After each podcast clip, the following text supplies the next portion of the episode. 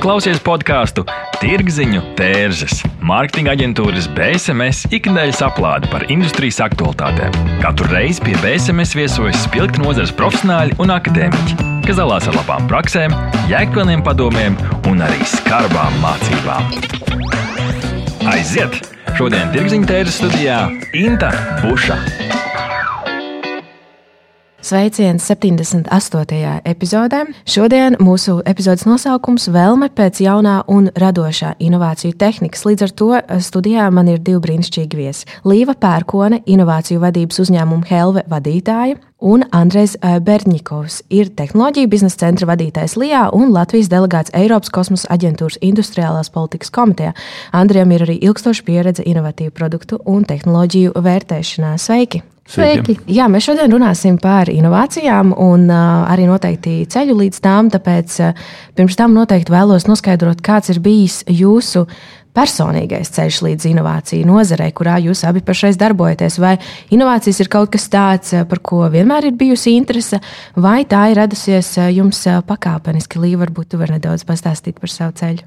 Mans ceļš līdz uh, inovācijām tādā formātā, kā mēs ar to strādājam ikdienā, ir veidis caur jaunu uzņēmumu nozari, kur mēs sākām darboties jau pirms kādiem vairāk kā pieciem, septiņiem gadiem. Kā mēs zinām, jaunu uzņēmumi ļoti bieži ir tāds kā industrijas standarts, kur ir pirmie, kuri visstraujāk mm. aug, kuriem patīk jaunās metodes. Pirmajā brīdī, kur es uh, iepazinos ar šo jaunu uzņēmumu ekosistēmu, man tas arī ļoti aizrāva. Man liekas, ka tas ir fantastiski, ka ir šāda vide, šāds burbulis, kur cilvēki nebaidās riskēt, nebaidās zaudēt, mēģināt vēlreiz un, un augt uz priekšu. Bet tādā personīgā izpratnē es inovācijas redzu arī kā izaugsmi. Mēs noteikti runāsim par to vairāk, kā uzņēmums saprot inovācijas un, un, un tirgus, bet arī katrs no mums personīgi. Un, mums visiem ir nepieciešams augt. Tāpēc man šķiet, tās inovācijas varbūt nav nekas tik svešs vai nesaprotams. Tas jau pēc būtības ir mūsu katra vēlme attīstīties un darīt lietas labāk. Tāda sanāk tā tāda izaugsme un pašizaugsme arī. Jā, es teiktu, ka līdz inovācijām varbūt tā pavisam īsi man ir novedusi tāda iekšēja zinkārība. Es mm. teiktu, ka tā ir vēlme uzzināt kaut ko jaunu un vēlme saprast, kā lietas notiek. Jo tikai tad jau mēs varam augt tālāk un būvēt lietas ātrāk uz Jā, augšu. Lieliski. Andrej, kā tev? Nu, man aptuveni 2006. gadā, kad mēs sākas tā, nu, sasaistē ar inovāciju, bet tā, nu, sākas laikam ar zinātnē. Mēs varam teikt, jo es ilgu laiku biju pētnieks, arī vadošais pētnieks kādu laiku, un, bet drīzāk sociālajās zinātnēs, bet tik un tā es biju viens no tiem cilvēkiem, kur rakstīja projektu pieteikumus lielais Eiropas programmas. Nu, piemēram, bija vēl toreiz, kad es sāku, bija sestā ietvarā programma, pēc tam bija septiņa ietvara, pēc tam bija Horizon. Nu, visas šīs Jā. lielas programmas, kas atbalsta tieši jauninājumus, tehnoloģijas. Es biju projektu rakstītājs lielā mērā, nu, arī piedalījos kā pētnieks. Tāpēc, Sākas laikam tā ar zinātnē pēc tam es pārvietojos uz valsts pārvaldi kādu laiku eh, bija tieši tehnoloģiju skauts. Eh, tas ir cilvēks, kurš darbojas. Un, teiksim, meklējot eh, partnerības starp industriju, biznesu un arī pētniekiem, biju skauts inovāciju un informācijas tehnoloģiju jomā. Nu, pēc tam sāku strādāt. À, kādu laiku ir nodarbojies ar tādiem IPC projektiem. Tas ir lielie Eiropas projekti, ko attīstīja arī Eiropas Savienības līmenī. Tur bija viens un joprojām ir projekts mākoņu skaitļošana, otrs bija mikroelektronika. Tagad kādu laiku, vairāk kā pusgadu, es vadu tehnoloģiju biznesa centru Lijā. Un tur arī savas, savas programmas, kur var izstrādāt prototipus, arī iegūt mācības par dažādām inovatīvām lietām. Bet kopumā, tā, kad es uzdevu to jautājumu, saskaitīju, ka no 2004. un 2005. gada aptuveni man tā iesaistīja. Kāds laiciņš? Ļoti interesanti. Jums ir pilnīgi dažādi veidi, vai ne? Un kā, tie, kā jūs esat nonākuši līdz inovācijām? Andrija, tev vairāk zinātnē, un, un jā, teorijas, un akadēmiskais arī, vai ne? Projektu rakstīšana, un atkal līvi tev ir tāda ziņkārība. Bet kas vispār, kā jums šķiet, cilvēkus ved uz inovāciju pusi? Vai tas ir tiešām tāda vēlme pēc kaut kā jauna un zinkārība, vai tas ir varbūt tāds cits kaut kādi, kas ir tie bieži. Andri, tu ļoti daudz strādā ar cilvēkiem un projektiem, kas tieši nāk uz arī inovāciju akadēmiju Lijā. Ko tu redzi, kas ir tā motivācija, kas cilvēkus bīd uz priekšu attiecībā pret inovācijām? Nu, jā, nu, tie ir radošie cilvēki. Pirmkārt, nu, tur tāds jautājums, vispār, vai ik viens cilvēks var inovēt. Nu, šobrīd tā kultūra virzas uz to, ka notika tā demokratizācija, mēģina iesaistīt ikvienu šajā demokratizācijas procesā. Nu, teiksim, arī pat nu, struktūra, sabiedrības struktūra un, struktūra un sabiedrības tā vērtību sistēma mainās. Ja 60. gados varbūt radošie cilvēki vairāk paši izpausmes meklē kaut kur citur, nu, piemēram, mūzikā vai mākslā šobrīd eh, tā ir modes lieta, ka cilvēks arī mēģina paši izplatīt tehnoloģijas. Tie, protams, ir radošie cilvēki, kuri meklē kaut ko jaunu, grib paeksperimentēt. Bet eh, tur tā iesaiste, protams, ir atkarīga no nu, tās iesaistes veids, atkarīgs no arī eh, paša cilvēka. Jo ir arī dažādi inovāciju veidi un dažādi sektori. Teiksim, viens varbūt sāk Eh, tieši ar produktu, un eh, viņam interesē vairāk tā tirgus dimensija. Viņam patīk papētīt, tāds, kas nav vēl tirgu, un viņš var ātri palaist. Cits vairāk koncentrēs uz nozari, teiksim, diptēka, tur, eh, kur vairāk tā zinātnē, tur drīzāk sāk ar interesi. Kaut kādu nozari viņš grib risināt ne tik daudz patērētāju problēmu, kaut kādas patērētāju grupas, cik viņam interesē, varbūt kaut kādu zinātnes problēmu mm -hmm. atrisināt. Trešais varbūt vispār domā par kaut kādām lielām problēmām, ne vides problēmas, tur sociālas problēmas. Tad tur arī tagad visādas iespējas, jo šīs lietas kļūst arvien populārākas, tas, tas ko, tra, ko sauc par um, ilgspējīgām inovācijām vai atbildīgām inovācijām, tas ļoti populāri. Tagad bieži vien arī aktīvisti iesaistās, kuri agrāk varbūt mēģināja risināt vides problēmas, vienkārši izmantojot kaut kādu pilsonisku aktivitāti. Mm -hmm. Tagad viņi arvien vairāk saistīti ar tehnoloģiem. Un mm. Visādi var būt motivācija, bet tās lauks ļoti dinamisks, ļoti dažādi cilvēki no dažādiem sektoriem, bet laikam pamatlietā, lai šis cilvēks jā, būtu radošs. Ja viņam interesē teiksim, drīzāk stabilitāte, tad varbūt nu, kā vērtība, varbūt tad nav īstais laiks, bet ja cilvēks patīk pārmaiņas, patīk kaut, kas, ne, kaut kāda nenoteiktība, neatbaida nenoteiktība, tad tā ir ļoti interesanta joma. Es paturpināšu, man šeit uh, pieminēja ļoti labu uh, tēzi par to, ka uh, ir nepieciešama šī vilkuma uz pārmaiņām. Un, ja patīk tā stabilitāte, tad, tad, tad tās inovācijas neradīsies.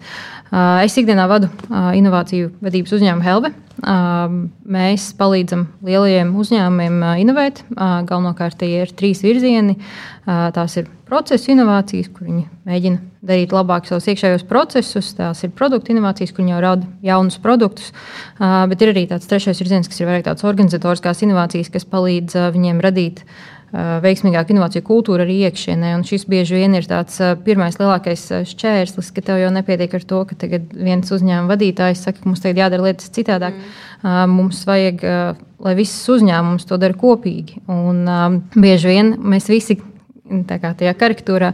Mēs visi gribam pārmaiņas, bet nevienmēr mēs visi gribam mainīties. Tāpēc šī iekšējā kultūra un, un, un vēlme augt un attīstīties ir ļoti būtiska, lai šīs pārmaiņas, lai šīs pārmaiņas vispār notiktu. Un, un tas ir tajā visu inovāciju kodolā. Jo, protams, nu, kāpēc mēs gribam inovēt? Nu, protams, ka uzņēmumiem tā vēlme ir ļoti. Nu, jau iebūvēta jau uzņēmējdarbībā, nu, ja uzņēmums ir stabils, tad viņš visticamāk nomirs agrāk vai vēlāk. Nu, uzņēmumiem ir tas ceļš ir tikai viens. Viņš var vai nu iet uz priekšu, vai arī viņš mm. dabiski ies atpakaļ. Tāpēc pēc būtības uzņēmumam un ekonomikai kopumā tās inovācijas ir kritiski nepieciešamas. Jo bez viņām mēs nekļūsim par bagātu valsti, mēs nekļūsim par pārtikušu valsti, un arī mēs paši nekļūsim bagāti un pārtikuši un veiksmīgi ja mēs neiesim uz priekšu. Tāpēc ir arī tāds otrs aspekts, kurā šīs inovācijas ir būtiskas ne tikai uzņēmumiem vai cilvēkiem, kas ir otrs virziens, arī ar ko mēs cenšamies strādāt. Un ļoti bieži arī satiekam LIGā šajā procesā, un arī akadēmisko vidi ir tāda kopējā inovāciju ekosistēma. Mēģināt veicināt to, ka Latvijā kopumā ir tāda pozitīva un, un um, atbalstoša vide inovācijām. Un tas bieži vien tas inovācijas tāds ļoti tāds moderns, trendīgs varbūt vārds. Mums patīk viņu daudz kur izmantot, um, bet pēc būtības jau um, nu, inovācija vienkārši ir attīstība. savos pašos pamatos. Tā ir attīstība, tā ir tehnoloģija izmantošana. Šobrīd tās inovācijas ir pēc būtības pilnīgi visās nozarēs nepieciešams. Mēs nevaram izcelt atsevišķus tikai jaunu uzņēmumus vai IT uzņēmumus. Mums ir nepieciešams inovēt arī izglītības sistēmā, un mums ir nepieciešams inovēt mūsu uh, nodokļu sistēmu vai to, kā ierēģiņi sadarbojas savā starpā. Viņas ir visaptvarošas, mums ir svarīgi uh, radīt to vidi, uh, kas veicina to inovāciju attīstību visā, nu, tādā visā mm. ekosistēmas līmenī, nevis tikai atsevišķos uzņēmumos vai atsevišķos cilvēkos. Jā, ļoti svarīgs faktors, ne, ka mēs taču visi esam saistīti. Mēs nevaram ļoti neatkarīgi eksistēt.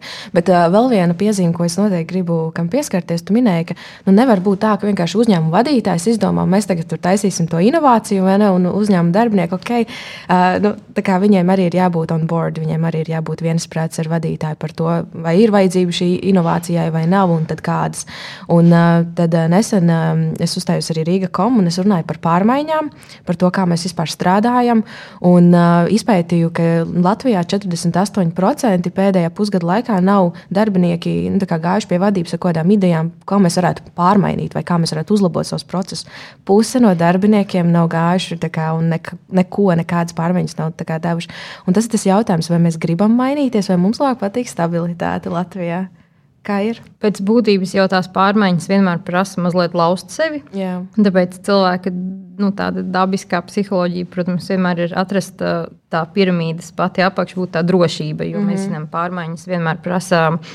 Uh, Pārkāpt, tas prasa drosmi, tas prasa pārkāpt sev pāri, iziet no savas komforta zonas. Jā. Uh, protams, ka mums tāda dabiskā vēlme ir nu, neko varbūt nemainīt un, un būt drošībā. Uh, Um, bet mēs esam gatavi mainīties un mēs esam gatavi augt, uh, kad mēs uh, pirmkārt esam drošā vidē. Uzņēmuma kontekstā tas, būtu, tas nozīmētu, ka es zinu, ka es varu aiziet pie sava vadītāja un piedāvāt viņam ideju, un viņš mani uzklausīs. Un tāpēc mēs runājam par tādu organizatoriskās kultūras uh, veidošanu, kas šīs inovācijas atbalsta. Uh, Jo nepietiek ar to darbinieku, kurš nāk ar ideju, ir nepieciešama tā otrā puse, šis vadītājs, kurš to ideju ir gatavs uzklausīt, vai ir nepieciešama šī sistēma, kurā šīs idejas vispār aiznest līdz tam vadītājam. Un, un ne tikai varbūt uzklausīt, bet saprast, pēc kā mēs izvēlēsimies, kuras idejas tiks attīstītas, kādi ir šie kriteriji, vai mans vadītājs būs gatavs ieguldīties, lai šo ideju virzītu tālāk. Un, šie ir ļoti daudz un dažādi faktori, ir ļoti daudz un dažādas metodes, kā to veicināt, bet šī iekšējā kultūra un sistēma ir uh, svarīga, lai, mm. lai tās inovācijas būtu. Un tas ir ne tikai uzņēmumos pēc būtības, jo tas pats ir. Kā jau es minēju, visās pārējās nozarēs, tāpat tās izglītības sistēmā mums ir nepieciešama tā vide, piemēram, skolā, kurā skolotājs var aiziet pie direktora un teikt, ka es redzu šo veidu, kā kaut ko darīt labāk. Un, ja viņam pretī būs tas direktors, kurš būs gatavs to paņemt pretī, tad arī mums tā, tā skola un pamazām viss pārējais celsies uz augšu. Bet, ja viņam nebūs, tad, protams, nu, viņš teiksim, viņu vienreiz, otrreiz atgrūdīs, un, protams, viņš vairs neies. Tas ir interesanti. Tas prasa no cilvēka iniciatīvu, pašiniciatīvu, spēju arī ieraudzīt kaut kādu potenciālu, spēju uzdrīkstēties un aiziet un padalīties, vai tas ir vadītājs vai, vai vienalga kolēģis un tā tālāk. Un teikt, ok, re, kur es redzu iespēju pārmaiņām vai inovācijai. Un, un, jā, un tālāk, jau, protams, arī no otras puses, ne, tas arī prasa to spēju uzklausīt, iedrošināt, un pat ja tas varbūt nav atbilstoši, arī teikt, ok, varbūt šoreiz nē, ir kaut kādi iemesli, bet nāc noteikti pie manis atkārtoti. Tas uh, vispār noteikti arī pasvītro tādu mūsu mentalitāti. Un šajā sakarā es uh, kopā ar Norstedt uh, jautājām uh, Latvijas sabiedrībai šādu jautājumu. Vai jūsuprāt, Latvijā ir motivējoša vide jaunu, inovatīvu uzņēmumu produktu radīšanām? Un 53% saka nē. Ir dažādas vecuma grupas, pārstāvēt visi reģioni. Bet eh, nu, vairāk kā puse tomēr saka, nē. Protams, mēs runājam par vidējo latvieti. Neobligāti viņš ir saistīts ar inovācijām.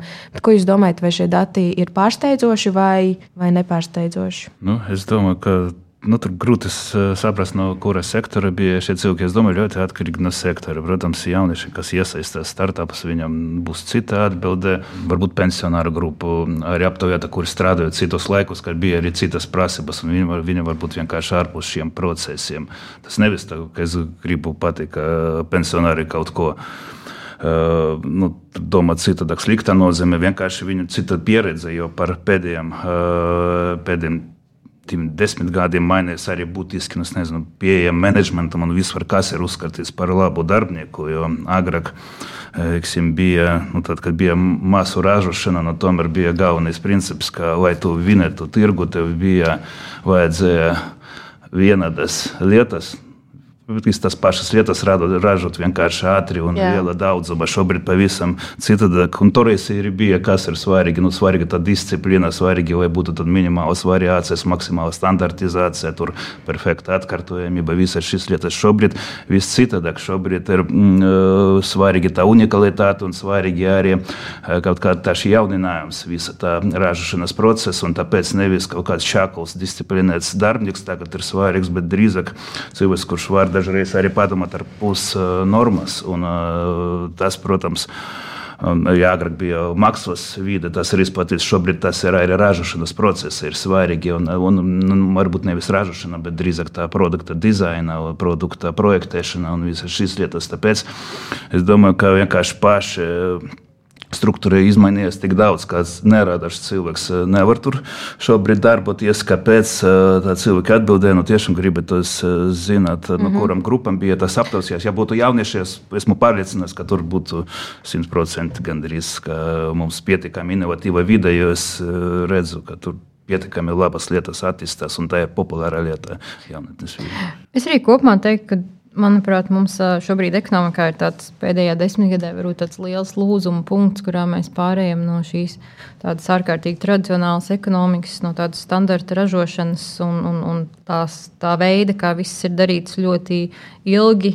Vienmēr tā ir bijis, un, un neko mēs nemainām uz to, ka mēs cenšamies, un manuprāt, mēs visi ļoti aktīvi cenšamies pāriet uz tādu inovāciju ekonomiku, kurā Kā jau te minēja, sarunu biedrs ir nepieciešams darbinieks ar pašiniciatīvu, mm. kurš ir proaktīvs, kurš nāk un dara. Mēs vairs nemeklējam tādas skrūvītes, daudzas mazas skrūvītes mehānismā. Mēs nā, meklējam cilvēkus, kuri ir gatavi nākt ar idejām un uzņemties atbildību, un, un, un, un nākt arī ar kritiku, un nākt ar uh, ierosinājumiem, un, un kas, kas ir šo inovāciju pamatā. Uh, Tā kā, ja mēs prasītu cilvēkiem, kur varbūt šobrīd vēl aizvien strādā tādās um, tradicionālās uh, vidēs, es domāju, ka, protams, ir ļoti saprotami, ka viņi tā domā, nu, ka, ka tā nav vide, kas ir. Kas ir um, um, Šobrīd tāda varbūt inovācijai atbalstoša, tie pašā laikā mēs aizvien vairāk un vairāk redzam, ka pirmkārt gan rodas pavisam jaunu tipu uzņēmumi un darba vietas,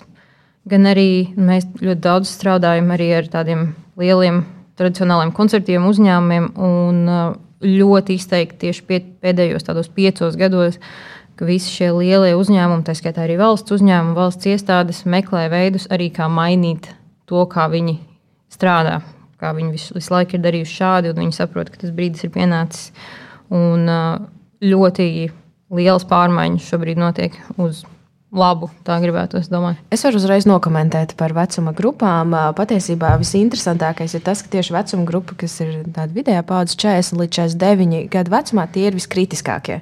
Tā kā jaunieši un pensionāri, nu, ja respektīvi no 89 līdz 60, 74, viņu principā izpratne par to, cik vide ir inovatīva, ir ļoti līdzīga. Kas ir interesanti. Tieši tā vidējā vecuma grupa ir tie lielie skeptiķi. Tas ir interesanti, kāpēc. Un, ja skatos vēl pārējos datus, mums ir arī, vai jūsuprāt, valdība stimulē un veicina jaunu, inovatīvu uzņēmumu produktu rašanos Latvijā, 62% saka nē, bet tajā pašā laikā, ja mēs jautājam, cik jūsuprāt, latvieši vispār kop, uz kopējā Eiropas fona ir inovatīvi, cilvēki vispār lielākā daļa saka, ka mēs esam inovatīvi. Tā kā cilvēki ir inovatīvi, mēs uzskatām, ka mums apkārt ir inovatīvi cilvēki, bet eh, nu, valdība un vide un viss tur, tur ir slikti. Andrej, Andrej, tu strādā Lijā. Pastāsti par projektiem. Es zinu, ka diezgan daudz jums visādi projekti forši. Pastāsti, ko Lijā dara. Projektu tiešām ir ļoti daudz. Tas ir nu, teiksim, programma, atbalsta programmas. Nu, šādā veidā tiem ir gan, protams, savi ierobežojumi, gan arī tur var milzīgas iespējas arī būt tur atkarībā no grupas. Teiksim. Laikam, es teiktu, no savas pieredzes, ar kura mēs programmas strādājam, tas vislabāk der vidējiem un maziem uzņēmumiem, nu, arī fiziskām personām. Un šis programmas šai ziņā tiešām var palīdzēt. Ja jūs ideja attīstīt kaut kādu tādu nevis nu, tā nozīmē zinatietilpīgu projektu, bet drīzāk kaut kādu produktu, kur varbūt tas zinatietilpīga elements nu, nav tik spēcīgs. Tad, tad ir vairākas programmas, teiksim, inovāciju voucheru programma vai prototeka programma, kur jūs varat arī mierīgi dabūt no kaut kur no 15 līdz 25 tūkstošiem eiro. Protams, dipteku kaut kādu par šādu naudu attīstīt nevar, bet ja jums kaut kāda ideja palaist, nu, kaut kādu nevisu sarežģītu, tur gudru aplikāciju ar jaunu funkcionalitāti, jo zinat, ka jūsu klients potenciāli var ieinteresēt šī jauna funkcija vai, nu, nezinu, jauna produkta īpašība, tad noteikti var. Protams, protams, var arī atsevišķus elementus arī zināt ietilpīgos projektus, mēs arī, protams, skatāmies, vai tur arī nu, būtu kaut kādā veidā arī pienesums zinātnē arī, bet, bet es par šādu naudu skaidrs, ka ir grūti attīstīt zinātnē. Tādu bija arī mūsu programma, kas nodarbojas arī ar lieliem projektiem, kur arī pētniecības organizācijas universitātes var piedalīties. Tie laika pa laikam ir. Tur, diemžēl, var būt ierobežotas iespējas uzņēmumiem pie, iesaistīties. Tur drīzāk kaut kādas koalīcijas var kopā kaut ko iesniegt, bet kopumā, eh, kopumā kur es eh, domāju, ko mums eh, jāiet, vairāk tā kā šobrīd tā diktēta joma un vispār arī visādi risinājumi, kas domāti vides problēmu risināšanai, kur bez zinātniska komponenta ir ļoti grūti. Nu, kaut kādu mums jādomā arī par tādiem startupiem ar zinātnietilpīgu elementu. Varbūt pašreizējas programmas tomēr tāda veida, kā pārāk kaut kādu zinātnisku pienesumu grūti kaut ko attīstīt, bet, bet ir iespēja kaut kas teikt atsevišķus elementus. Ja, ja interesi sadarboties ar iešai ziņā, es ieteiktu vienkārši Google ierakstīt inovāciju voucheru programmu vai prototeku. Un tas ir, manuprāt, divas programmas, kur mazie video uzņēmumi var dabūt atbalstu un varam par to runāt. Tas konsultācijas visu laiku notiek.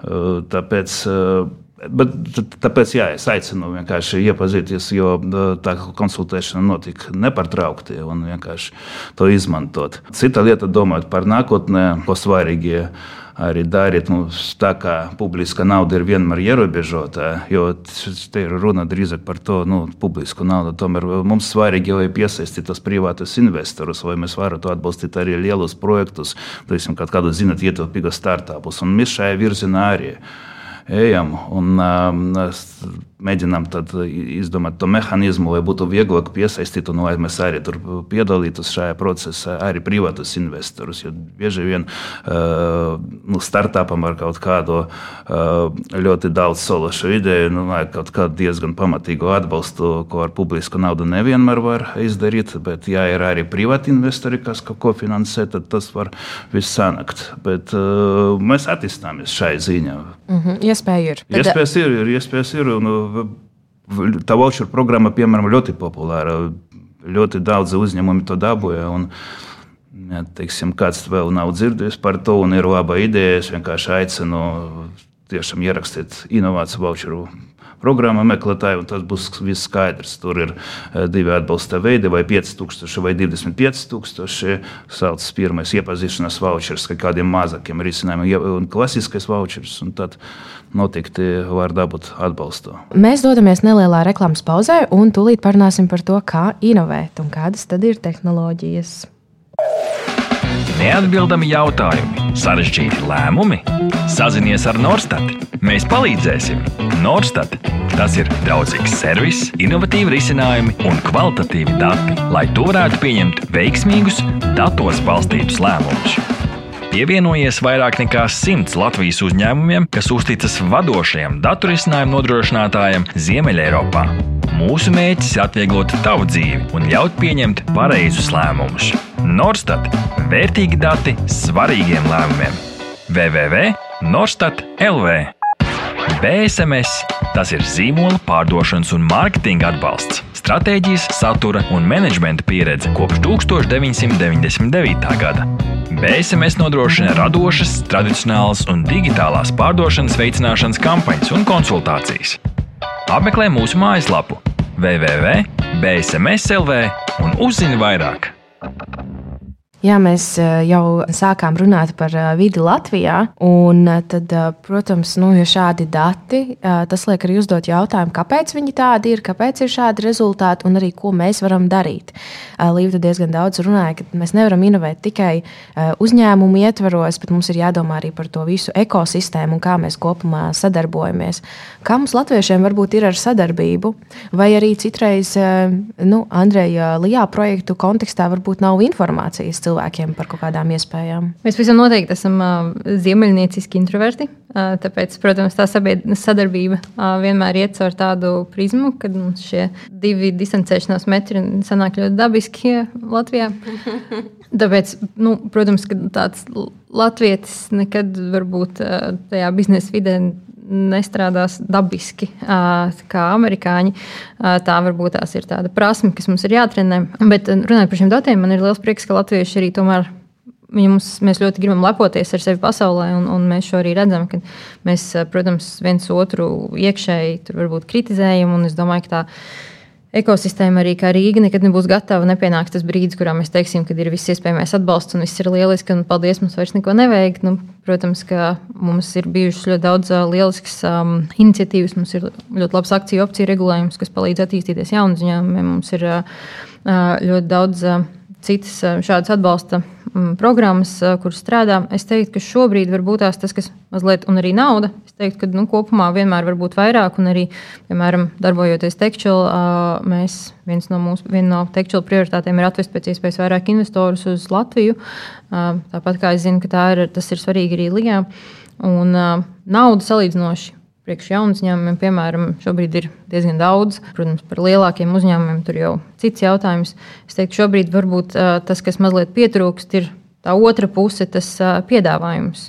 Un tas piedāvājums ir tā, tas latviešu gēns un vēlme, gatavība riskēt un radīt uzņēmumus.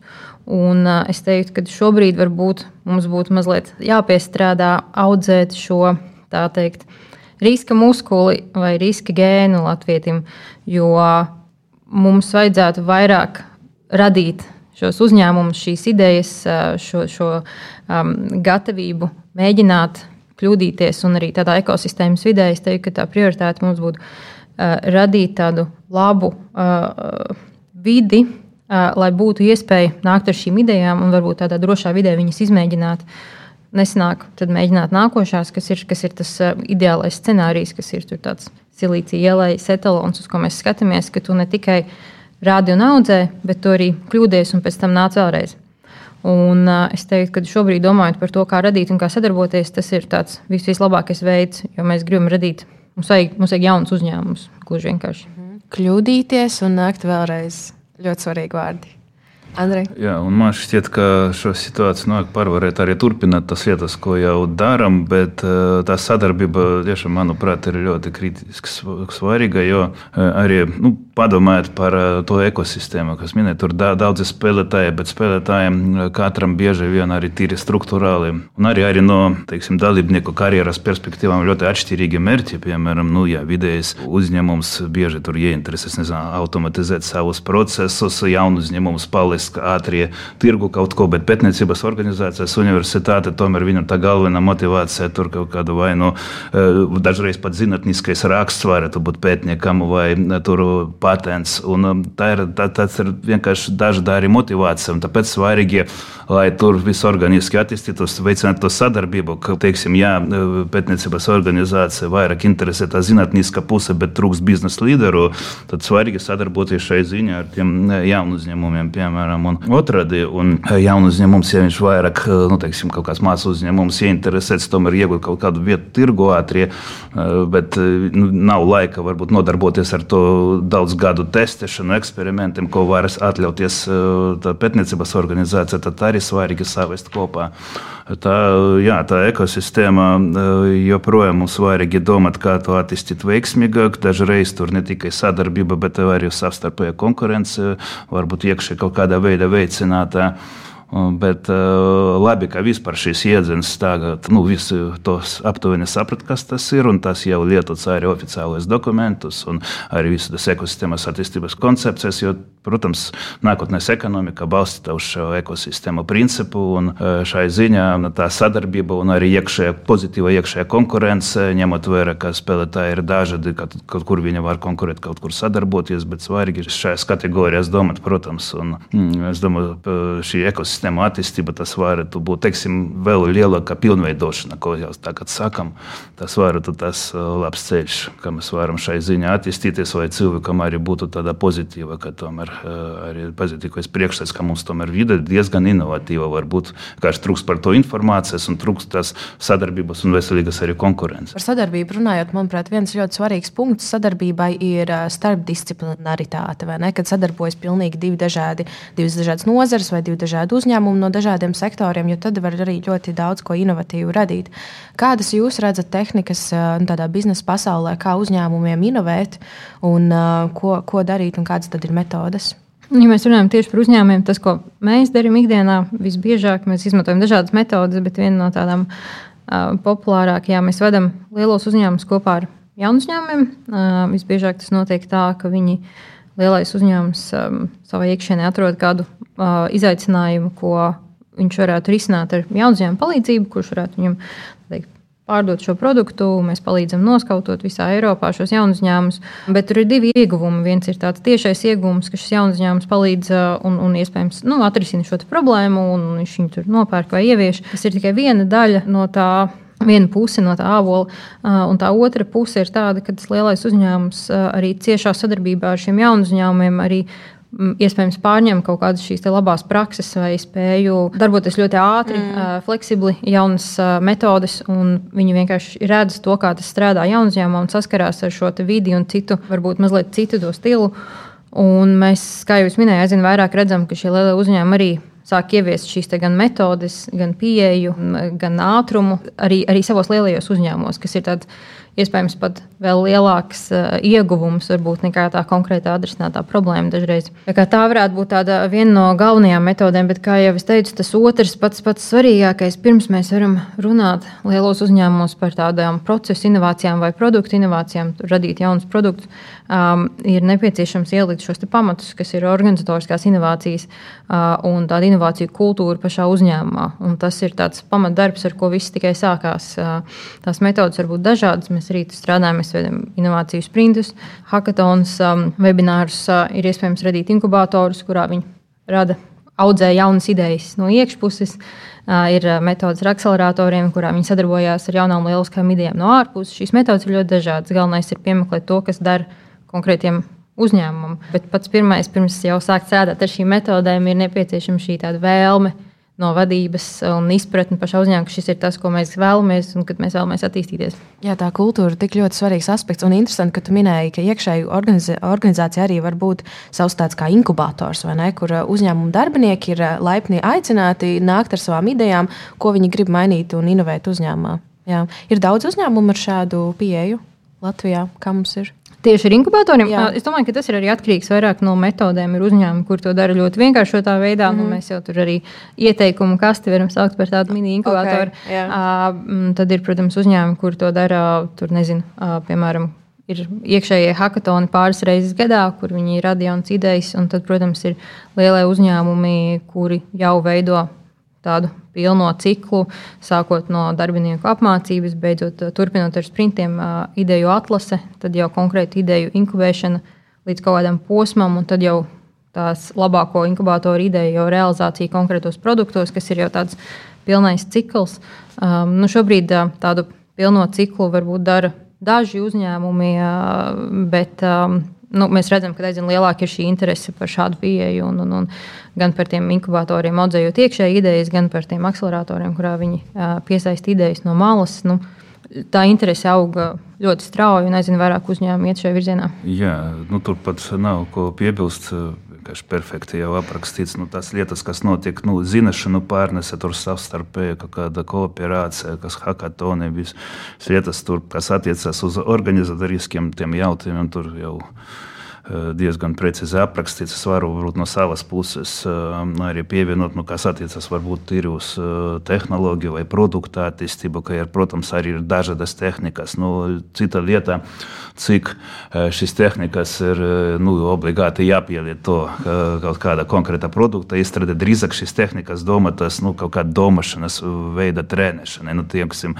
ļoti vienkārša metodes, kas saucas skamper, kur vienkārši cilvēku nu, tad, tad pat nevis ar šo metodi jūs varat attīstīt jaunu produktu, bet drīzāk iemācīties domāt, kā to varat to rādīt. Nu, teiksim, ko jūs varat apvienot, ko jūs varat aizstāt, ko jūs varat pagriezt citādāk. Nu, visas šīs lietas vienkārši šajā metodē aprakstītas. Ja jūs domājat par produktu, jums būs skaidrs, ka es varu tur varbūt šo aizvietot ar šo, un tad tur ir metode, kā to izdarīt. Ir sarežģītākas metodes, teiksim, kur teiksim, trīs tā pieeja, kad, teiksim, kā atrisināt visādas tehniskas vai fiziskas pretrunas.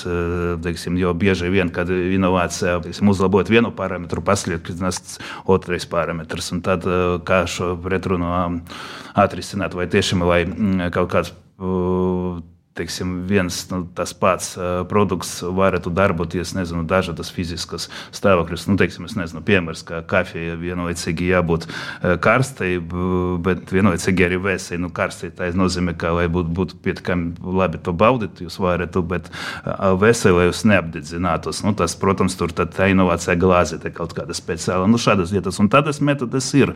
Vienīgā lieta, protams, ka es uzskatu, ka tas drīzāk domātas kaut kāda smadzeņu trenēšanai ne tik daudz varbūt praktiska inovācija, jo praktiska inovācija tomēr cilvēki, ko es pašu sākumā teicu, nu saku vai nu ar savu jomu, kur viņš mēģina atrisināt problēmas, ja viņš grib kaut kādu zināt ietilpīgu risinājumu, tad viņš vairāk arī darbojas pēc tiem zinātnes metodēm arī uzreiz. Varbūt arī no otra gala, varbūt interesē tiešām vairāk tirgus, un tur ir svarīgi ne tik daudz varbūt pētīt, nezinu, patentu datu bāzes vai lasīt akadēmiskus rakstus, bet drīzāk tirgus pētījumus, kaut ko arī pamēģināt pašam tirgu izpētīt, papētīt konkurentus.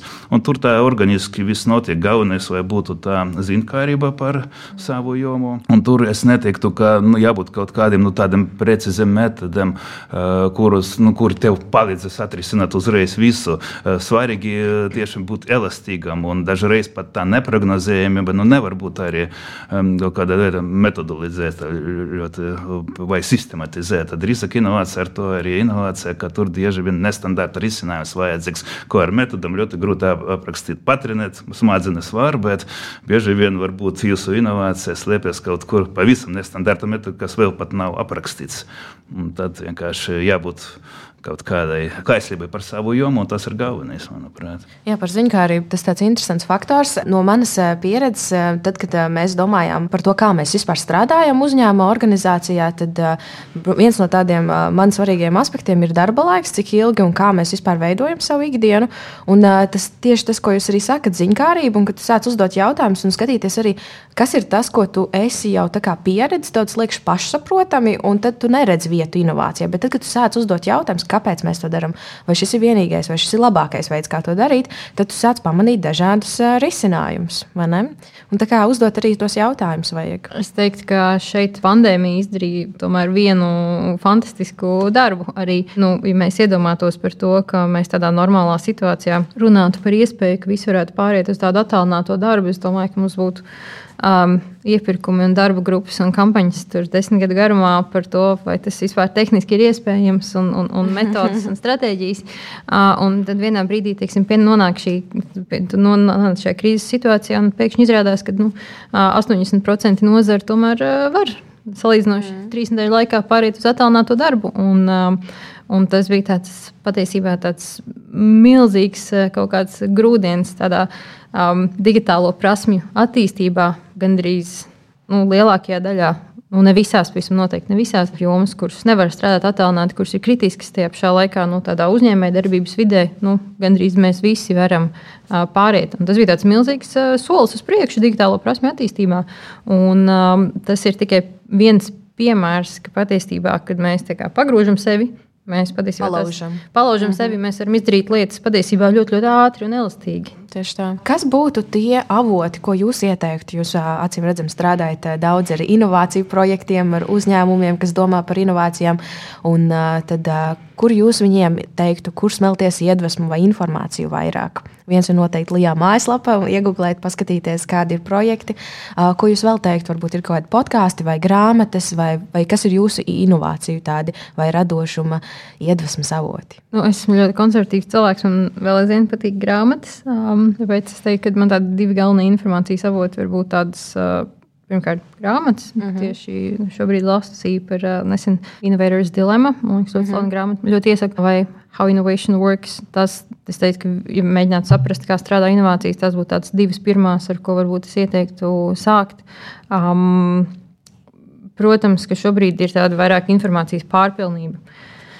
Mums informācija ir. Uh, Visur mums notiek, mums ir atgriezusies pasākuma sezonā, pasākumi nāk viens pēc otra. Protams, ir viens pasākums, kurš ir labāks par visiem iespējamiem. Tas ir uh, konferences tekčila. Es tā nebūšu pazemīga un uh, pareklamēšu. Bet uh, nu, es domāju, ka nu, pēc tāda uh, inovāciju un, un, un kvalitīva satura un uh, blīvuma tieši šajā jomā, es domāju, ka nu, mm. tur arī salīdzinoši objektīvi droši vien nav uh, līdzīgi. Uh, bet, uh, bet pasākumi Uh, jebkuri pasākumi, un šobrīd mums ir atkal šī iespēja iet uz pasākumiem.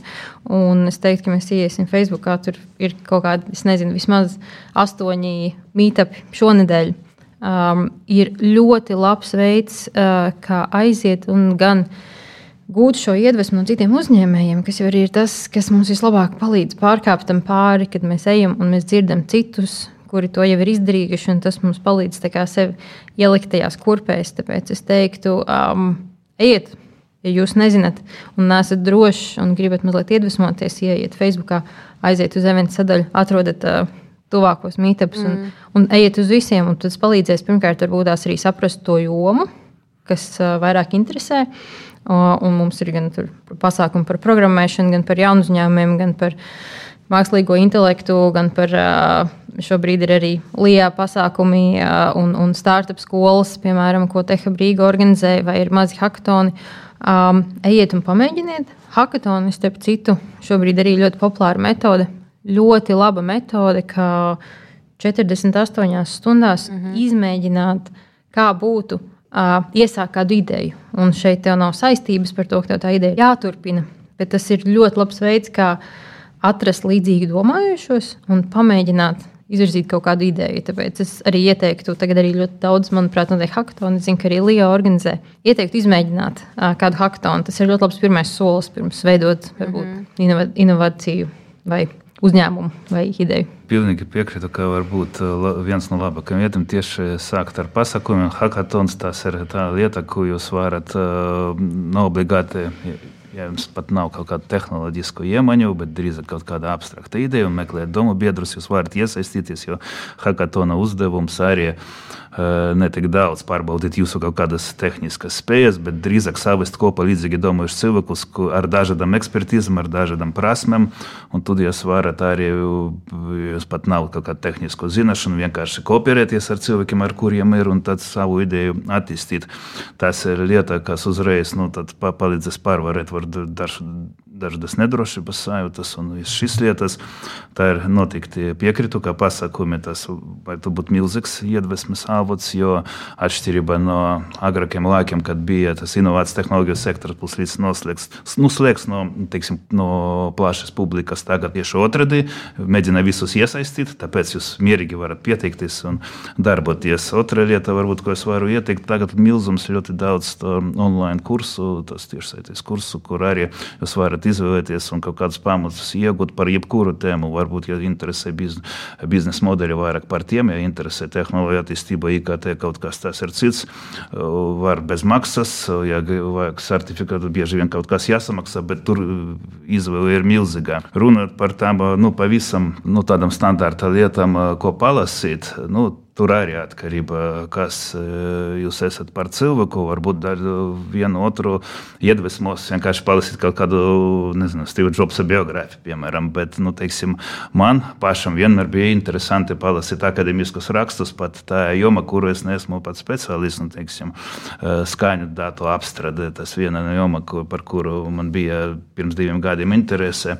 Un vienkārši atšķirība nu, teiksim, tirgus pētījumiem, ka bieži vien tur, tur tomēr tos datus vai uz pasūtījumu. Nevienmēr šis, šis, šie dati ir pieejami un šie raksti ir pieejami. Tieši akadēmiskie raksti tur vajag vienkārši būt piekļuvi datu bāzi, kas nemaksā dārgi. Un universitātes tā ir pa brīvu, un jūs varat izlasīt jebko par šo tēmu. Teiksim, ja jūs interesē attīstīt kaut ko zinātnē, tad akadēmiskais rakstus jūs varat sekot visjaunākā informācija savā jomā. Un, ja nav garlaicīgi šādu literatūru rakstīt, tur ir milzīgs potenciāls. Un, tad pēc, nu, jāskatās, kas jūs interesēs ieteiktu jā, pasakumi, apmācības kursi un arī kaut kāda lasām viela atkarība no jūsu vēlmes iesaistīties, cik dziļi zinātniskā jomā vai drīzāk kaut kāda publicistika, kas jums vienkārši iedvesmos tīri no mm. ideju viedokļa. Meklēt informāciju. Jā, mek meklēt informāciju, tur arī nav tādas receptes viena, tas tur jāskatās kas jūs personiski interesē, un tad jūs sameklēsiet noteikti, jo šobrīd mēs dzīvojam informācijas pārpilnībā. Svarīgi tiešām neterēt laiku uz kaut kādu mazvērtīgu informāciju, atradīs, atradiet to informāciju, kas jums ir vērtīga, kas jūs redzēsiet, ka palīdz jums attīstīties, un tad tas ir pieejams gandrīz par brīvu. Mēs finišējam šo epizodi par inovācijām, un līdz ar to es gribētu jūsu vienu teikumu, novēlējumu vai tādus ceļu vārdus, ko jūs varētu kā secinājumos pateikt. Andrej, varbūt tu vari pirmais. Jā, nu tad nebaidieties no nenoteiktības. Nenoteiktība ir vienmēr interesanta. Mēģiniet tad riskēt, jo šobrīd riskēt eh, inovācijas sektorā nenozīmē, ka jūs zaudēsiet un pēc tam nevarēsiet neko atgūt. Jo iespēju ir tik daudz, ka tas ir drīzāk šobrīd uztverts, ka tās ir mācības, eh, arī jūsu neveiksmes. Tas ir vienkārši jūs stiprina un eh, neveiksmē nav nekāda traģēdija, jo šobrīd tiešām iespēju ir daudz. Ne, neizdevās viena sfēra, uzreiz varat citu kaut kādā citā līmeņā pamēģināt ar kādu citu kolēģi, ar kādu citu domu biedru. Ir svarīgi vienkārši mēģināt. Un, ja ir tādas idejas, tad noteikti mēģiniet arī sameklēt LIE atbalstu šai ziņā, paskatieties mājaslapā, kas jums interesē, pieteicieties uz konsultāciju un varam izrunāt konkrētas lietas, bet galvenais mēģiniet. Svarīgi, svarīgi nebaidīties no pārmaiņām. Pilnīgi piekrītu. Es teiktu, ka atslēga ir zinkārība neatkarīgi no tā, vai jūs apsverat veidot jaunu uzņēmumu vai ideju, vai um, atrast citu darbu, vai augt esošajā darbā, atrodiet virzienu, kas jums interesē, par ko jums rodas dabiska ziņkārība, un uh, ejiet tajā virzienā. Un, uh, es domāju, ka tas ir arī tas virziens, kurā jūs noteikti atradīsiet priekš sevis kaut ko ļoti vērtīgu, neatkarīgi no tā, kurā jomā jūs strādājat. Jo visās jomās uh, ir ir jaunas un, un foršas un fantastiskas lietas, kur augt tālāk. Jā, un arī, ja jūs eh, redzat savā uzņēmumā, kur jūs varat inovēt, vai procesos, vai produktos, vai darbībās, vai organizatoriskos jautājumos, kā Līta minēja, tad pavisam noteikti ejiet pie vadītāja, uzdrīkstaties izrādīt savu iniciatīvu, un jūsu balsī ir nozīme. Tas arī pavisam noteikti domājot par jaunām idejām. Es teikšu lielu paldies šīs epizodes viesiem. Pie manis bija Līva Pērkone un Andrejs Berņikovs. Paldies! Gatā. Paldies, ka klausījāties BSMS podkāstu Tirziņu tērzes. Aplādi ar labām praktiskām, jēgpilniem padomiem un skarbām mācībām. Patika epizode? Dalies sociālajos medijos, ir idejas tēmām vai viesiem?